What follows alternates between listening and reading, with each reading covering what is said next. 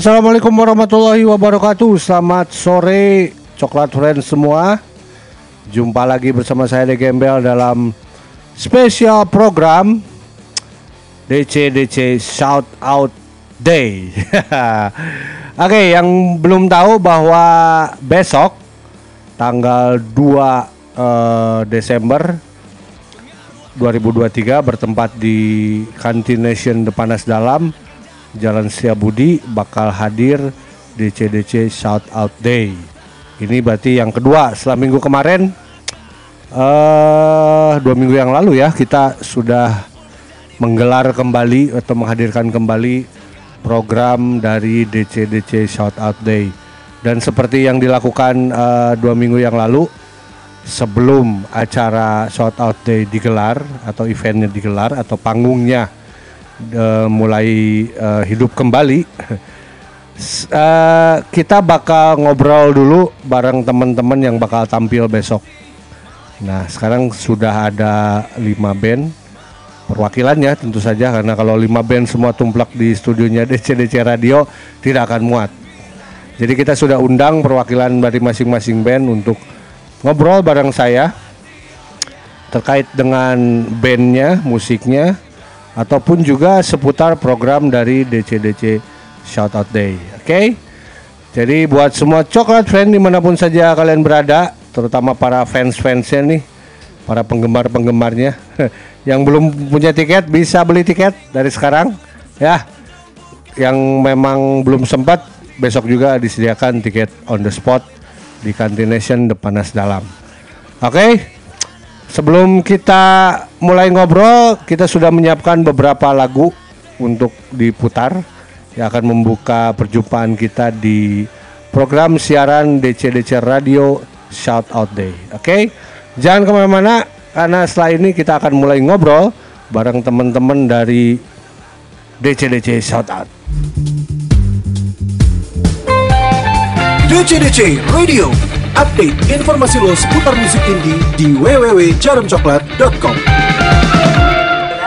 Oke, kembali lagi bersama DCDC Radio spesial program DCDC Shout Out dan sekarang kita sudah berkumpul bersama bersama geng-geng Jatinangor. Eh, selamat datang di DCDC Radio. Silakan nanti kalau mau bicara mic-nya tolong dipegang. Oke, biar kedengeran semuanya.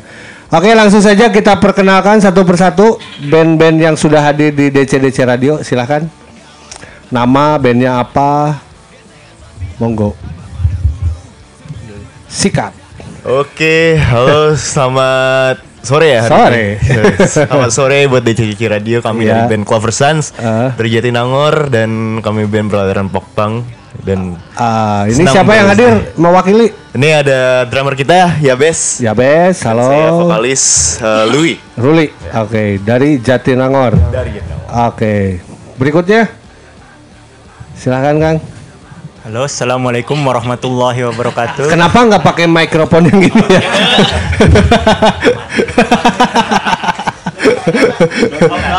oh nggak ada. Oh ya, pajangan itu berarti. Oh nggak apa-apa. Selamat Silakan. sore semuanya. Eh, saya perwakilan dari toko fiksi sebagai vokalis di sini Fafa, terus ditemenin juga sama gitarisnya Giga. Kami band dari Tanjung Sari. Tanjung Sari. Tanjung Sari, tapi masih deket-deket lah sama Jatinangor. Ya, jadi ya, ya. sering nongkrong juga di Jatinangor. Oke. Ya, Kuliahnya di Jatinangor. Iya, kuliah di Oke. Jatinangor. Berikutnya. Halo teman-teman DCDC Radio uh, Kia dari Prabahasa drummernya Prabahasa. kebetulan ya. Oke. Alirannya mah susah apa sih uh, Prabahasa tuh? Nanti kita banyak nonton. ya. Nanti kita nonton di Shoutout Day. Silakan berikutnya. Eh, halo, selamat sore. Eh, saya Bonyok, perwakilan dari Dreaming of Greenfield atau disingkatnya DOG. Eh, si DOG sendiri kita ngambil Celtic Punk.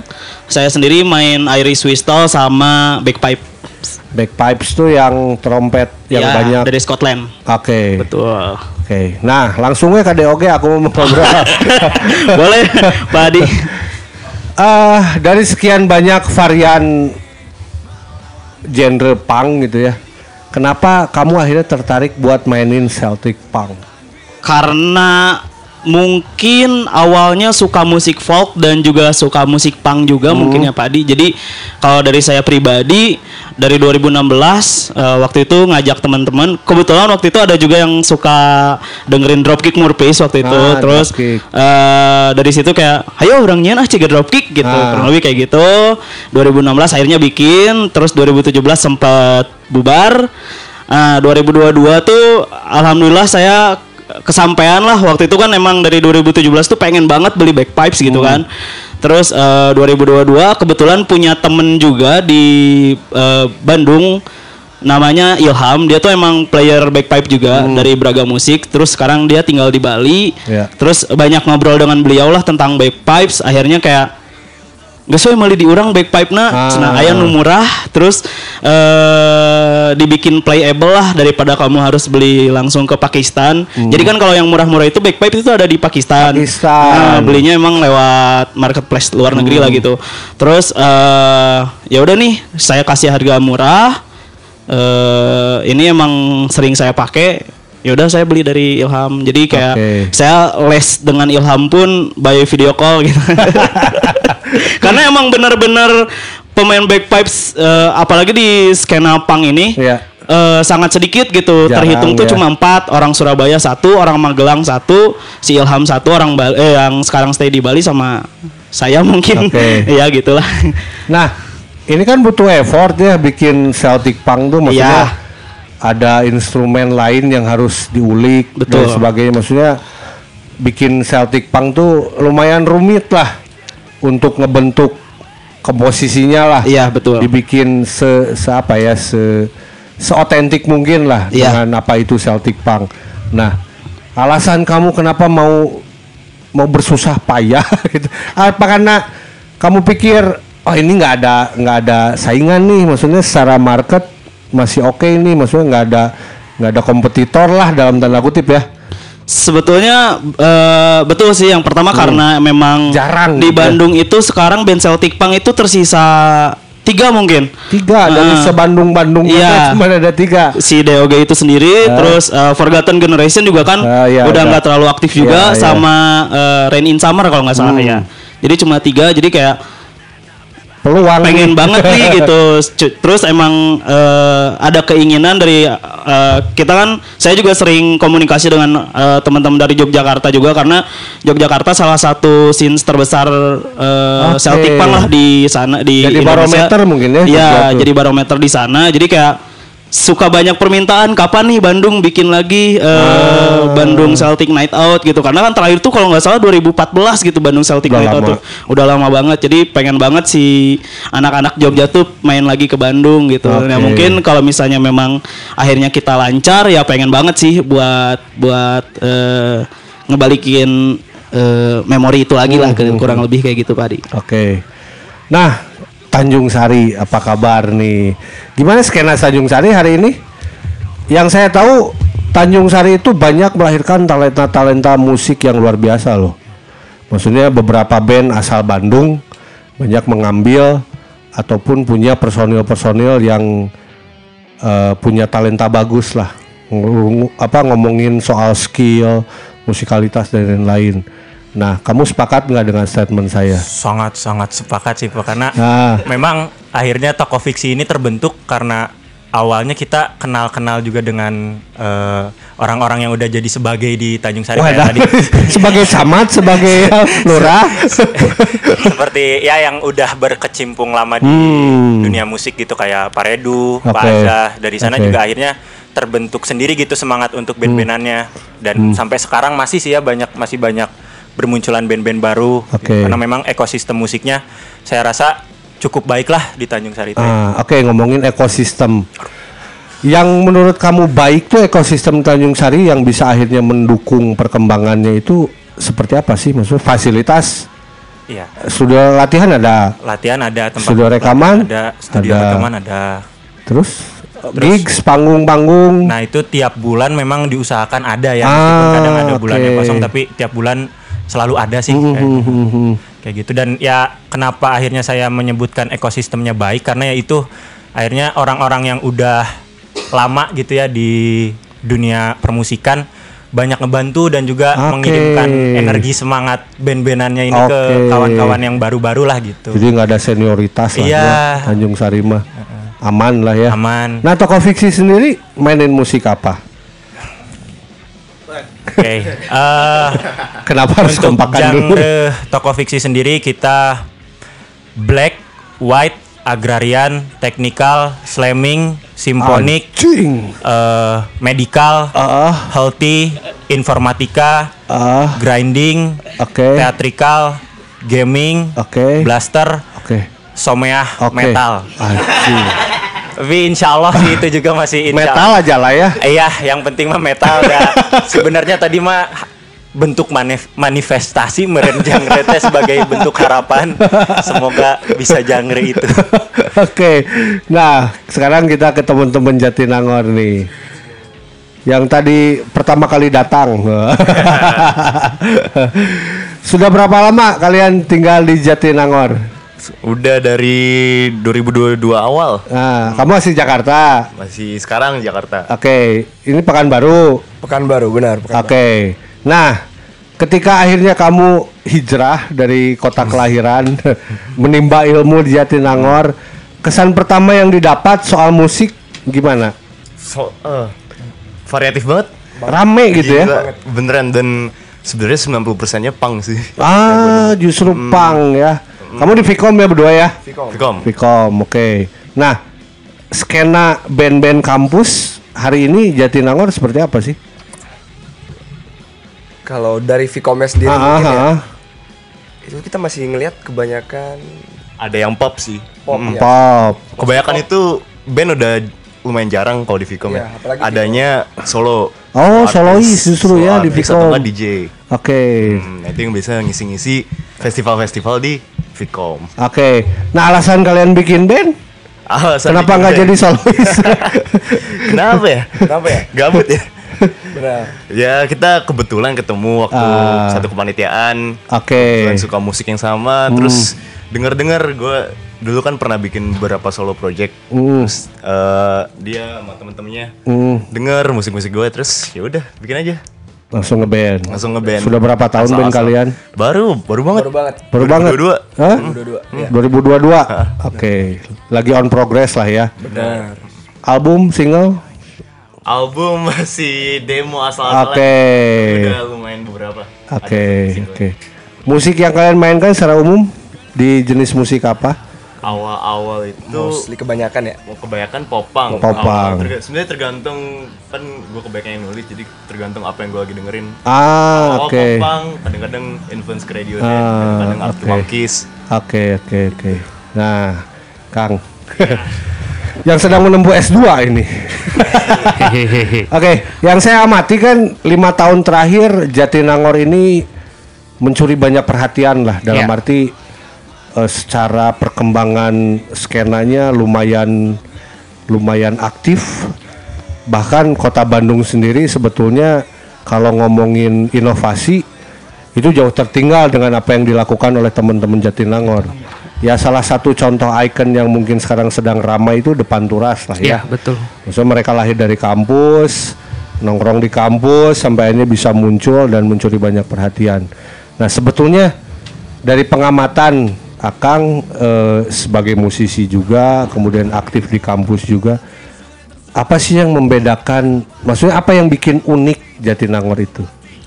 apa yang di apa yang bikin Jatinangor unik sih sebenarnya karena orang-orangnya sih karena beragam kan tadi ada yang dari Pekanbaru dari Jakarta Oke. saya sendiri kan kebetulan dari Semarang juga Semarang. gitu. jadi pas datang ke sini ya he- heterogen aja orang-orangnya tuh Ah. jadi punya punya kadang orang yang referensinya kayak mungkin tadi dengerinnya di Radiohead apa dan lain sebagainya ketemu jadi satu tuh malah bikin dicampur ininya tuh Oke, jadi melting point. Iya, heeh, jadi melting Semua point. budaya-budaya dari kotanya Iya masing-masing. dibawa begitu kayak tadi selera, Bonyo selera musiknya juga. Iya, selera musiknya yang heterogen dijadiin satu tapi malah diakulturasi jadinya bukan Ah. bukan kayak ah enggak gue maunya mainin ini gue maunya mainin ini enggak tapi jadi kayak oh ya dah mana punya referensi apa referensi apa referensi Oke. apa jadi apa udah muncul lah gitu itu Jadi yang aktifnya. bikin Iya.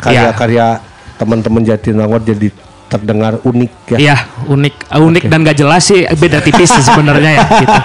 Nah, ngomongin ketidakjelasan, Iya. Kang sendiri mainin musiknya Nah, ini kalau di bio Instagram kita ya, Ah. di bio Instagram Prabasa itu kita mainin genrenya a music water horse, ancient dark punk, ultimate dragon eyes, flaming dinosaur, sugar glider, and the crazy and the body and penguin. tuh kamu ada saingan panjangnya.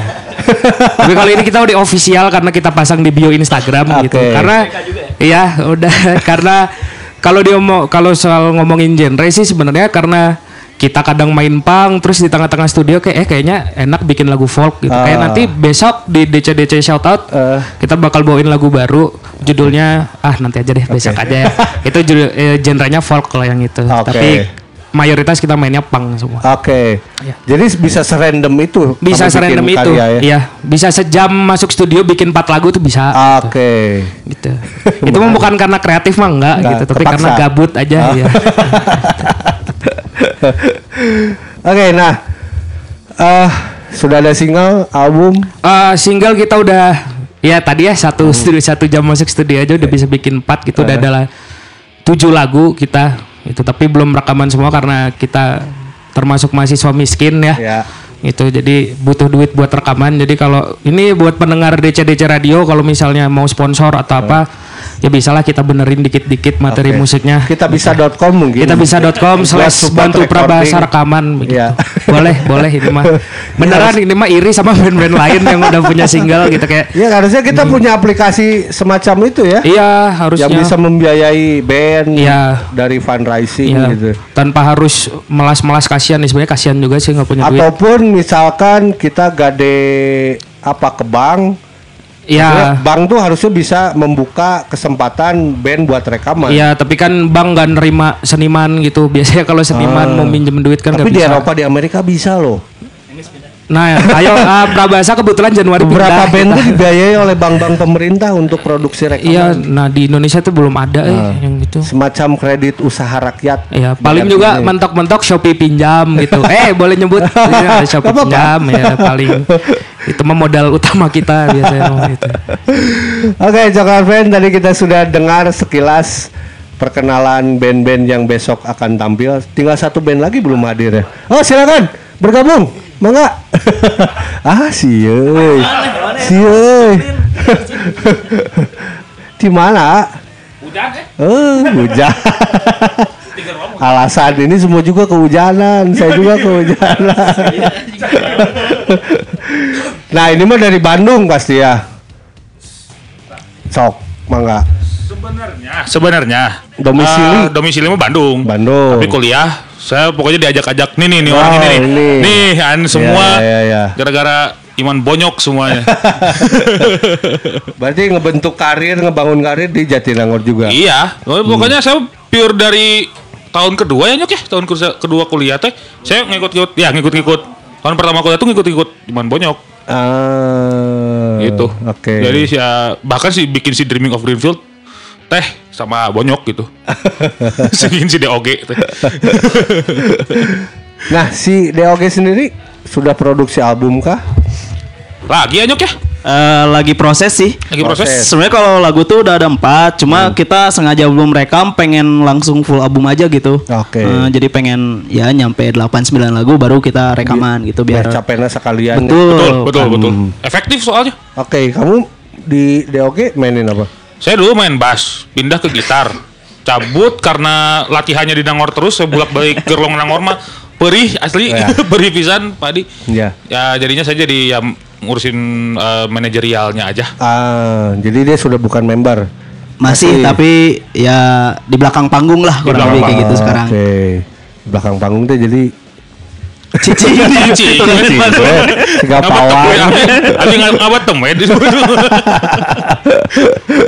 Oke kita hold dulu obrolannya nanti kita lanjut. Tadi sekilas kita sudah dengar perkenalan dari masing-masing band yang besok bakal tampil di DCDC Shout Out Day. DCDC Radio Update informasi lo seputar musik indie di www.jarumcoklat.com Kembali lagi bersama DCDC Radio, program spesial DCDC Shout Out. Sekarang sudah makan pasti lebih capetang ya ngobrolnya. sudah ada tenaga untuk bicara lebih banyak. Oke, yang eh yang saya perhatikan apa yang terjadi di Jatinangor dan sekitarnya termasuk Tanjung Sari eh, mungkin mengingatkan saya pada fenomena apa yang terjadi di kota Jogja. Sama-sama kota pelajar, banyak orang-orang dari luar eh, daerah datang untuk belajar untuk studi di situ. Kemudian di tengah kegabutan tadi mereka bikin band, menciptakan eh, karya-karya yang terbilang unik dan sebagainya. Tapi ketika akhirnya studinya selesai, mereka harus kembali bandnya bubar. Bener nggak sih kayak gitu? Maksudnya bandnya udah naik nih, udah hot nih, udah keren nih, mencuri banyak perhatian, jadi headliner di mana-mana. Tiba-tiba karena tugas studinya selesai, akhirnya mereka kembali ke ya paling umur bandnya cuma 3-4 tahun ya sepanjang mereka belajar di kampus mereka aktif main band ketika selesai sekolahnya ya sudah bandnya ditinggal itu terjadi nggak sih di Jatinangor Sejauh ini sih kalau yang di angkatan pasca covid mah Ah. belum belum terjadi Belum karena masih terjadi. kuliah coba kalau kita ke lebih yang senior coba Kang Bonyok Ya, Kang Bonyok gimana, Kang Nyok? Bonyok gimana gimana Kalau saya Bener nggak sudah sih terjadi fenomena itu karena saya eh, termasuk angkatannya depan turas juga, jadi Ah. emang kita sering bikin eh, kolek kolektifan lah dulu Ah. sama depan turas. Emang banyak banget akhirnya yang gugur sih gitu. Iya. Jadi kayak tersisa sedikit aja lah gitu kayak El Carmoya masih ada, Ole Gun Gops masih ada. karena mereka yang pun atas-atas juga masih banyak nyok. Ah. smoker masih ada. Iya, maks- maksudnya yang yang angkatan orang nih. Ya, Kalau ya. yang Oh, yang angkatan kita, orang kita, kita. eh, udah udah cukup banyak yang berguguran toh. Saya juga kan ada band satu lagi eh, hardcore punk si Brehanda Breh Bangsat Bangsat. juga karena si Brehnya juga sekarang sibuk di depan turas jadi eh, Jadi kru. teknisi. Iya, jadi teknisi jadi eh, cukup terabaikan lah gitu. Tapi masih jalan gitu. Ah. Cuma yang emang eh, kesulitannya di situ aja sih sebenarnya. Jadi ketika udah punya pekerjaannya masing-masing, jadi kayak eh, agak ya itu dia karena kita masih masih belum bisa struggling dari musik mungkin ya Iya, Pak ya. Jadi iya. agak agak sulit aja sih buat tetap bertahan. Enggak lah orang jadi musisi gitu tah. Oke. Nah, kalian berdua nih dari Jakarta, Pekanbaru. Ketemu di Jatinangor akhirnya bikin band. Betul. Nah, itu kemungkinan itu bisa terjadi nggak sama band kamu? Eh, gimana ya? Gimana ya? Eh, Let's say kamu ya. bikin album, album yang meledak, Iya, band kamu terkenal di mana-mana, tiba-tiba harus selesai kuliah, bekerja atau kembali ke kota masing-masing. sejauh ini sih Sejauh ini kayaknya Enggak ya, bakal lanjut terus masih sih. ada idealisme ya. Ah, masih semangat masih semangat. untuk masih semangat nerusin band. Ah, namanya masih umur 20 ya, masih Ah. junior lah istilahnya. Ah. Jadi kayak masih panjang di depan eh, hari-harinya. Dan apalagi kita juga nggak yang kayak nih lo kan sekarang lagi di Jakarta nih posisi Eh, dan gue ya di Nangor dan balik lagi kan ke Nangor gitu untuk oke. kalau emang ada band gitu jadi kelihatannya sih enggak ya Selama bakal passionnya ada gitu ya. sih, kayaknya. passionnya ada. Walaupun ya namanya masih semangat berarti ya buat Masih nerusin semangat. band. Hmm, masih namanya berapi-api nih Tapi walaupun namanya resources ya juga lumayan buat ngurusin musik agak menguras ya. Ya Oke. untuk sejauh ini masih aman. Oke. Nah, Mas, pengalaman lah. Maksudnya dari yang terjadi udah S2 berarti udah cukup lama nih di Jatinangor. lumayan Nah, kehidupan musikalitas di kampus tadi bilang band datang dan pergi. Salah satu faktornya apakah memang itu? Maksudnya mereka pendatang ketika selesai studi mereka cabut, bandnya udahan. Yang pertama sih alasannya karena faktor ekonomi jelas ya Nyok ya kayaknya Maksudnya suram bandnya gitu. ya karena karena kadang kan dibayarnya pakai makasih mas Ah iya. nasi bebek aja juga udah lumayan gitu kan. Terus ada beberapa ada yang menikah juga pada akhirnya dan masa anak istri dikasih makan nasi bebek seminggu sekali kan nggak itu mungkin. nggak mungkin ya. Terus eh apa ya? Kalau kalau yang datang dan pergi sih biasanya ya memang banyak terjadi tapi ketika memang yang tadi udah diomongin bandnya gede album meledak kayak depan turas mungkin Iya, iya.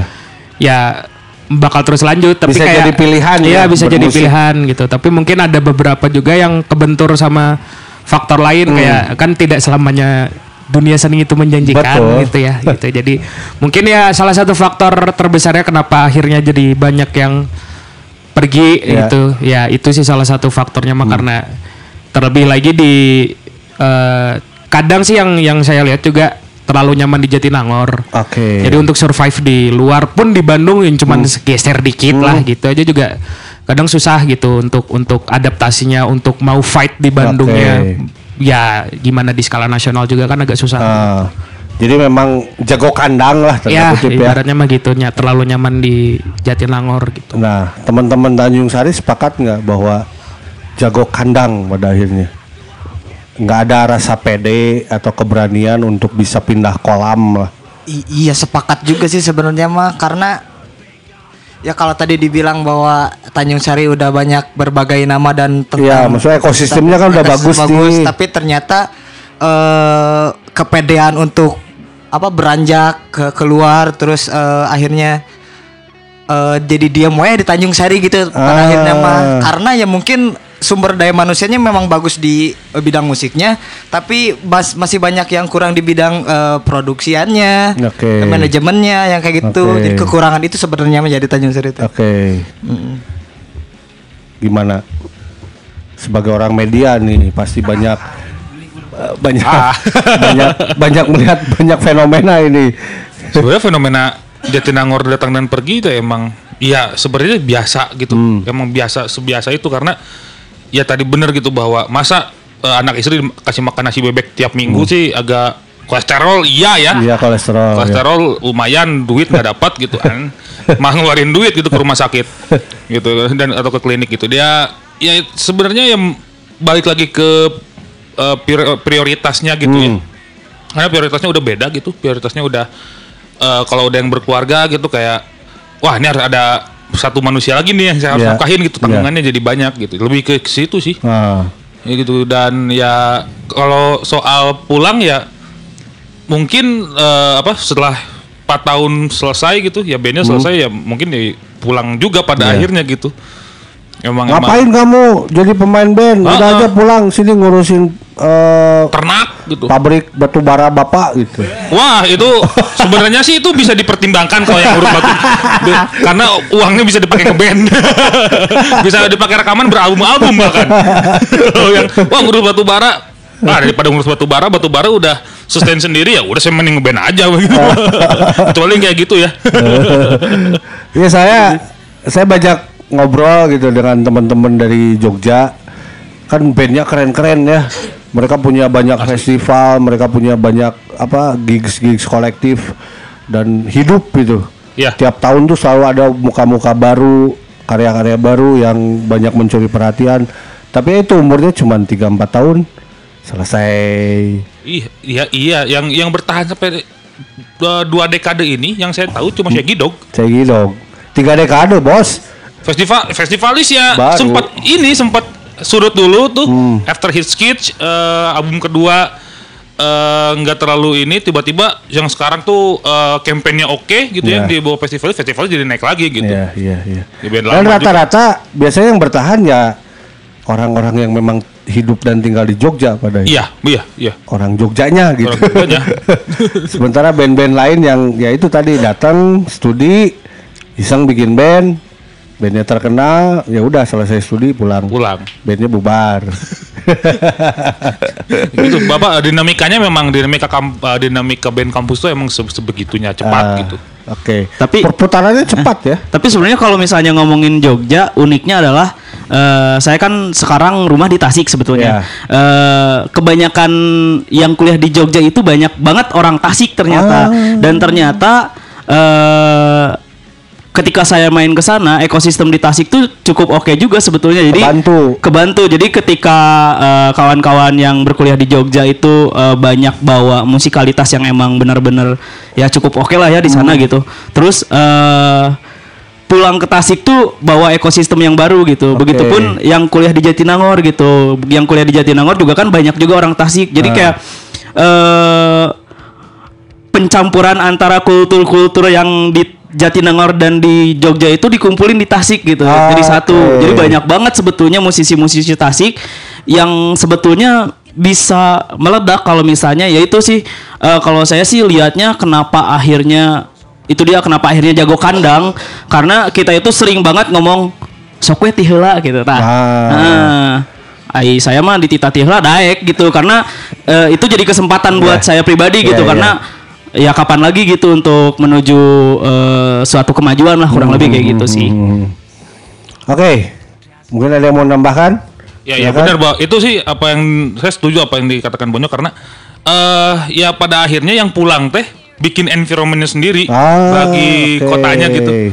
Ya, ya, ya, ya. itu ya. apa yang apa ya apa eh, yang dia belajar dan diserap di rantauannya gitu Ya, ya. ya. Ketika pulang tuh ya udah kita bikin gitu. Oke, saya punya pengalaman teman saya orang Aceh kuliah di Jogja.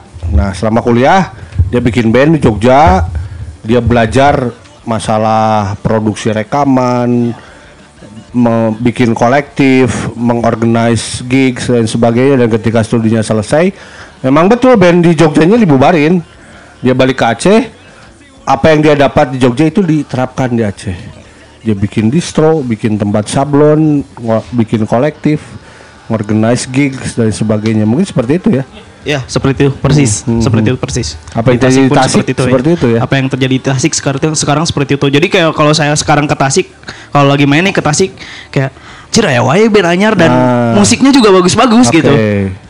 Semarang gimana, Mas? Menyedihkan sih kalau Semarang untuk segala seni gitu. Siapa Kebetulan gubernurnya ya? Aduh la la la la la la ya. Yang itulah yang rambutnya pirang. Saya dong. ya kalau sebenarnya kalau ngomongin apa ya skena seni lah ya di Semarang Hmm, mati total sih kalau kalau Oke. dari pengamatan pribadi. Kalah sama Jogja dan Solo bahkan. Pada ya. lari ke sana kebetulan Padahal ibu kota provinsi. iya ya. ibu kota provinsi dan kebetulan kan keluarga tuh memang berkecimpung di seni semua. Ah. Ibu itu eh, sutradara wayang orang. Oke. kakak di perfilman dan itu larinya semuanya ke Solo Jogja bahkan Oke. ke kota kecil Salatiga Oh iya, salah tiga ya. ke Salatiga justru larinya karena di Semarang eh, nggak ada wadah sih bahkan Hmm. tahun ini dihitung sama di Nangor sendiri ya gitu Nangor yang ibaratnya kecamatan gitu Iya. kecamatan kecil jauh lebih banyak acara di Nangor daripada di satu Semarang gitu yang yang notabene kota dan ibu kota Jawa Tengah gitu ibu kota provinsi juga. jadi kalau buat Semarang sendiri sih nggak apa ya sebenarnya change tuh ada besar Iya. gitu kalau mau kalau memang mau niat. Tapi untuk menghidupkan skena di sana ya mati-matian juga gitu. Karena ya orang udah pada malas ngidupin di sana pada akhirnya ya cari aja ya udah ladangnya adanya di Solo Jogja Salatiga ya udah gitu. Kalau mau lebih jauh lagi ya ke Bandung misalkan mau coba perantauan lebih jauh biasa ke Bandung gitu. Itu sih kalau di Semarang. Mungkin dinamika sebuah komunitas menjadi aktif itu karena ikut dibantu dengan hadirnya pusat-pusat pendidikan kali ya. Iya betul. Dan salah ini juga sih di Semarang justru sekarang nggak berani untuk kalau dilihat-lihat ya mahasiswanya nggak berani untuk memunculkan identitas oh Hmm. aku orang Semarang gitu aku orang Semarang Lokal gitu pride-nya lokal nggak pride-nya justru nggak ada karena Oke. kalau di Jatinangor meskipun heterogen sangat-sangat Hmm. heterogen gitu ya di satu kecamatan tapi ketika ngumpul tuh ya yang Jawa berani ngomong Jawa yang Iya, Sunda iya, dengan iya, Sundanya yang luar dengan yang luar tapi di Semarang ketika ada orang luar Semarang katakanlah dari Jawa Barat ke sini Jawa Barat Jakarta Jabodetabek ke sana anak-anak Semarangnya justru ngikut kultur mereka yang ngomong lugu lugu dan lain sebagainya yang sebenarnya didengar juga nggak nyaman ya di kuping gitu. Cuma nah itu yang yang apa ya jadi yang di sana yang hidup sekarang ya skena skena klub pub yang ya ya udah yang anak-anak mahasiswanya ya dugem gitu untuk produksi musik dan lain sebagainya juga nggak ada keinginan gitu kalau di nggak ada keinginan untuk membuat sesuatu atau bikin Iya. sebuah movement kali ya Semarang. Iya. Karena padahal di Semarang sendiri skena musiknya tuh mereka kan eh, banyak orkes di Semarang Oke. itu. Salah satu yang gede namanya itu ada serempet gudal, terus ada eh, senggol tromol kalau pernah Hmm. Oke. dengar. Nah, itu yang yang musik yang dulu didengar oleh anak-anak Semarang tuh yang kayak gitu Hmm, gitu. Nah, sekarang mah ya dengerinnya Wisnu Santika yang yang kita denger di mana-mana yang gitu-gitu. Kehilangan ciri khas mungkin ya. ya dan jati diri sih Jati lebih, diri lebih ya. parahnya mah ya. Oke. Nah, eh kita ke Tanjung Sari sekarang. Eh, nah, tadi ngomongin ekosistem, kemudian eh terlalu nyaman dengan dengan apa yang ada di Tanjung Sari. Nah, sebetulnya apa sih yang bikin atau yang menghambat atau hambatan apa sih yang atau handicap apa yang yang akhirnya teman-teman Tanjung Sari ini tidak bisa atau tidak tidak mampu keluar lah dalam tanda kutip nggak pede kah atau Pertama tadi sih mungkin ya yang udah disebutin sama Giga juga Hmm. perihal eh, kalau di Tanjung Sari itu secara musikalitas udah bisa dibilang oke lah tapi perihal manajemen dan Hmm, lain-lain hmm, untuk untuk eh, unjuk gigi di luar tuh agak masih agak susah gitu support ya belum- belum- sistemnya justru yang belum ada Iya mungkin di Oke. sana sih. Oke. Tapi memang untuk sekarang band-band yang ada di Tanjung Sari juga lagi nyoba-nyoba ya. Hmm, Maksudnya hmm, hmm. Pasti akan terus mengambil kesempatan gitu. Mhm. Belum aja mungkin insya Belum. Allah nanti ke depannya bisa. Iya. Gitu. Dan kebetulan juga baru ada apa? ad- baru ada ruang yang menaungi band-band Sari juga yang pengen Ah. membawa band-band di Tanjung Sari itu keluar gitu. Oke. Salah satunya kan ada Tanjung Sari Record dan lain-lain. gitu. Ah, oke. Udah ada record sekarang. Iya, baru-baru. Oke. Sip atuh. Iya. Semoga aja bisa lancar Iya, amin. Doain aja. DCDC Radio Update informasi lo seputar musik indie di www.jarumcoklat.com Kembali lagi bersama DCDC Radio di spesial program DCDC Shout Out. Dan baru saja bergabung salah satu band yang bakal tampil besok. Selamat sore Kang. Mic-nya dipegang. Ha. Sebetulnya alasan dia bergabung teh pengen makan gorengan juga. Dari Ya. tadi tuh hitung sendirian. Tahu banget. Dari Joplin ya? Ya, The Joplin. The Joplins. The Joplins. Mainin musik apa Kang The Joplins teh? Eh 90s garage punk, garage rock gitu. Ah, oke dari Bandung, Jatinangor juga. Jatinangor. Jatinangor. Tapi nggak tahu deh. Tadi mungkin sekilas sudah mendengar banyak obrolan teman-teman terkait dengan Jatinangor. Nah, di Joplin sendiri memang mahasiswa yang sedang belajar di sana atau memang asli orang Jatinangor atau seperti apa? Eh sebenarnya mah personelnya mah dari Rancaikek ya. Oke. Cuman sering mainnya teh di Nangor Di gitu. Nangor. Terus kuliah juga sebenarnya mah nggak di Nangor sih. Enggak di Nangor. Ya. Kuliah di Kalau dia di ISBI. tuh di ISBI, Iya. tuh ISBI. Satu lagi ada di UPI. UPI. Kalau saya mah nganggur. Justru semua ngumpul di Rancaikek berarti teman-temannya. Rumah di Rancaikek, cuman kalau ngumpul-ngumpul di Jatinangor ya. Oh, gitu. Sudah berapa lama main bandnya?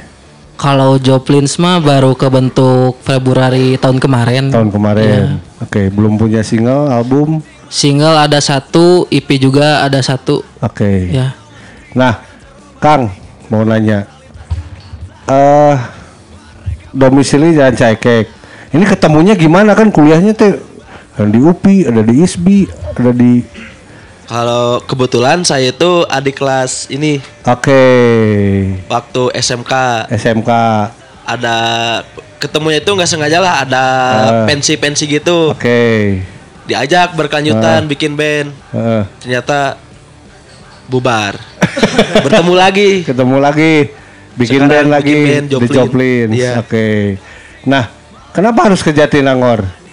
Eh, karena emang kebetulan Si saya udah panas dalamnya. kebetulan kerja di Jatinangor di Oh. kopi-kopi gitulah Oke, nongkrongnya di situ. nongkrong di situ Jadi teman-teman yang di UPI nongkrong di Jatinangor. enggak edan. kebetulan yang UPI juga tetangga saya dekat Oke. Jadi terbentuk bandnya teh di situ ya di ya di tongkrongan. situ di kafe itulah Mhm. Berarti sering aca- acara-acara kampus. Alhamdulillah baru sekering lah. Oke. Nah, dari pandangan teman-teman di Joplins, eh, yang membedakan Bandung dengan Jatinangor, maksudnya kan banyak teman-teman yang di ISBI, di UPI, dan kenapa harus memilih di Jatinangor? Karena kalau kan kita mah masih baru gitu ya. Ya. Itu kan di Jatinangor mah lebih eh lebih cukup gampang gitu Oke. kalau buat berbaur satu sama lain gitu. Hmm. Kadang kalau di Bandung tuh agak susah gitu buat ketemu teman-teman yang lain gitu. Ah. Mungkin ya. Jatinangor mah ya Ya segitu segitu-segitu aja lah. Ah, ah, ah. Masih bisa kejangkau. Oke. Nah, ada yang mau dipromosikan dari DOG? Mungkin mau rilis single atau apa? Instagramnya apa? Eh, kalau DOG sendiri eh kita belum karena belum rilis apa-apa ya. Eh, ya buat pendengar DCDWC Radio silahkan menunggu saja DOG sampai eh, rilis. Cuma kalau misalnya pengen dengerin eh, lagu original dari kita ya nonton live-nya lah. Lebih kayak gitu. Ya, itu, Karena itu akses satu- satu-satunya akses untuk kita mainin lagu original. dan menurut saya sih nonton live itu lebih seru sih ketimbang Betul. harus streaming Iya, gitu. iya. Jadi Ah, eh, alasannya mana emang tapi tapi dalam waktu Pak, dekat jualan, pengen pengen rekaman sih pengen rekaman Oke. Rekaman. Eh, kalau kita sosial media ada di Instagram eh, at dog celtic pam Hmm, oke. udah sih itu aja kalau Masnya mungkin ada yang mau dipromosikan? Eh, karena kita juga lagi fundraising ini ya, menggalang dana. Kita bisa.com. ya kita bisa.com yang pertama kalau mau bantuan materi boleh Oke. kalau kalau mau bantuan support materi juga ya udah materi aja deh gitu Eh, kita lagi fokus merchandise sih sekarang Merchandise. ya ada kaos dari Prabahasa Hmm, yang Prabahasa. desainnya kita bikin 12 menit apa 15 menit gitu tapi bagus Praktis kok. ya. iya iya di Canva enggak enggak tuh kita gambar kita scan gitu Oke. Tuh, dan Sudah rilis itu. Eh, udah, udah rilis gitu. Kebetulan yang punya Yang- baru personil. Oke, yang Jadi, pengen beli ke mana? Yang pengen beli bisa cek di Instagramnya Prabahasa. Prabahasa. Di Prabahasa A-nya 5 gitu. Oke. Sama kalau eh, mau ngundang-undang juga kita mah boleh gitu. Kita riders ridersnya mah yang utama cuman mal ini nasi bebek. nasi bebek sama tolak angin. Itu karena yang satu suka masuk angin nanti itu. Dijual harga berapa si merchandise-nya si? Dijual di harga 170 ribu aja. Yang pengen beli langsung kontak DM aja. Iya gitu segala ukuran mah ada gitu. Disediakan. Mau yang bisa dipakai dua orang juga bisa custom kita bisa. Gitu. Lubangnya dua. Iya. Mendoakan saja tahun depan kita mau rilis insya Allah langsung Amin. album sekalian. Oke. Gitu. Terima kasih. Manusia fiktif. Eh, kalau untuk sekarang toko fiksi baru punya Oh, satu Fiksi. single ya eh, yang udah bisa diakses di Spotify sama Apple Music. gitu. Mm-hmm. Eh, judulnya satu ditambah tanda tanya sama dengan nol. Ya. Itu Satu rilisan. ditambah tanda tanya sama dengan nol. Betul. Eh, itu rilisan tahun 2019 sebenarnya, Oke. tapi karena memang untuk sekarang kita belum punya single baru, jadi nggak apa-apa lah ya kita Oke. promosiin. Dan rencananya kita mau bikin EP. Oke. Ya nggak tahu beresnya kapan, tapi Ah. seenggaknya udah ada niatan. Oke. Itu terus juga untuk Instagram kalau misalkan kalian kepo bisa cek di @tokofiksi underscore resmi. Terus juga kita punya akun fanbase dari Brazil. Eh, Oke. Username-nya Tokofixiu Tokofixiu. underscore Brazil. Untuk sekarang memang baru Brazil doang yang dipegang sama Tokofiksi. Insya Allah untuk ke depan bakal ada Polandia karena ternyata ada satu ya kemarin dicek di Spotify Oke. orang Polandia yang ngedenger Tokofiksi. Oke. Jadi nanti mungkin akan disediakan akun buat Polandia juga. Heeh. Itu. Chapter, Terima kasih chapter ya. untuk Lewandowski dan kawan-kawan. Eh, terus juga gitaris kami punya usaha kos kaki juga. Ah. At Glongki Store. Oke. Ayo. Oke, ada eh, rokok juga, rokok. Eh. ya jangan sih, mending beli jarum coklat aja. Sekarang juga saya pakai jarum coklat ekstra, emang enak banget. Ekstra kan. Paling begitu ya toko Oke. fiksi mah. Next, ada yang mau dipromosikan nih? Teman-teman. Oke, kami dari Clover Sense mungkin eh, baru beberapa demo ya, jadi belum single resmi, belum rekaman yang proper. Belum ada yang dipublish berarti ya. Eh, sebenarnya dipublish udah, tapi Di masih di YouTube. Oh, di YouTube. kita aja cari Oke. aja Clover Sense, C L O V R S A N S. Nah, Yang mau kepo ke Instagram. YouTube kita boleh, ke Instagram kita juga boleh. Di Oke. situ ada beberapa live performances kita, tapi juga buat yang mendengarkan di CDC Radio boleh yang ngundang Clover Dance juga buat nyari-nyari kerjaan. Riders kita juga gampang kok juga. Oke. Dikasih stiker juga nggak apa-apa. nah, itu aja dan untuk di besok ada juga lagu yang belum kita rilis di mana pun dan ikuti aja besok di DCDC Shoutout Day buat dengerin lagu Oke. original kita. Gitu. The Joplins mungkin ada yang mau dipromosikan. Ya, jangan lupa dengerin kita. Udah ada di digital musik platform. Hmm. Sama udah follow aja IG-nya di @thejoplins. Oke. S-nya dua. Apalagi Mas? Oh ya, eh, kita juga boleh nanti kita akan kedatangan vinyl dari Yunani ya. Boleh nanti bisa dibeli juga. Kebetulan juga nanti vinyl datang kita akan bikin katalog t-shirt baru ya. Iya. Oke, The Joplins rilis vinyl. Iya. Oke, album Yang EP kemarin. EP kemarin dirilis dalam format vinyl. Iya. Oke, nanti dijual nggak di sana? Eh, kebetulan dikirim ke sini 7. Ah, 7. 50 50, 50 pieces. pieces. Berarti besok sudah bisa tersedia? Belum, eh, Belum. lagi proses. Lagi proses. Be- di bea cukai pasti kata. Mahal sih eta. ya. Jadi jangan lupa donasi buat kita. buat nebus. Buat nebusnya di bea cukai. Oke teman-teman, terima kasih sudah hadir di DCDC Radio. Sukses buat besok manggungnya ya. Saya yakin kalian pasti memberikan yang terbaik. Eh, saya yakin juga kalian pasti menampilkan karya-karya terbaik kalian di DCDC Shoutout Day. Sekali lagi terima kasih sudah hadir di DCDC Radio. Jadi buat teman-teman yang pengen nonton, silahkan datang. Tiket on the spot masih tersedia. Kemudian juga yang pengen follow informasi terkait DCDC Shoutout Day, kalian bisa follow ke Instagramnya dcdc.official. Dengan ini saya di Gembel, mohon pamit bareng teman-teman semua yang hadir di sini. Kita jumpa besok di DC DC Shout Out Day di Kantin Nation Depanas Dalam Jalan Setiabudi nomor berapa ya? Ja, poho aing euy. Pokoknya mah depan Radio Mara lah ya situ. Oke. Acaranya dimulai dari jam 3 sore sampai dengan selesai. Oke, terima kasih sudah mendengarkan DCDC Radio spesial program DCDC Shout Out. Kita akan kembali lagi di program DCDC Shout Out berikutnya. Sampai jumpa. Assalamualaikum warahmatullahi wabarakatuh.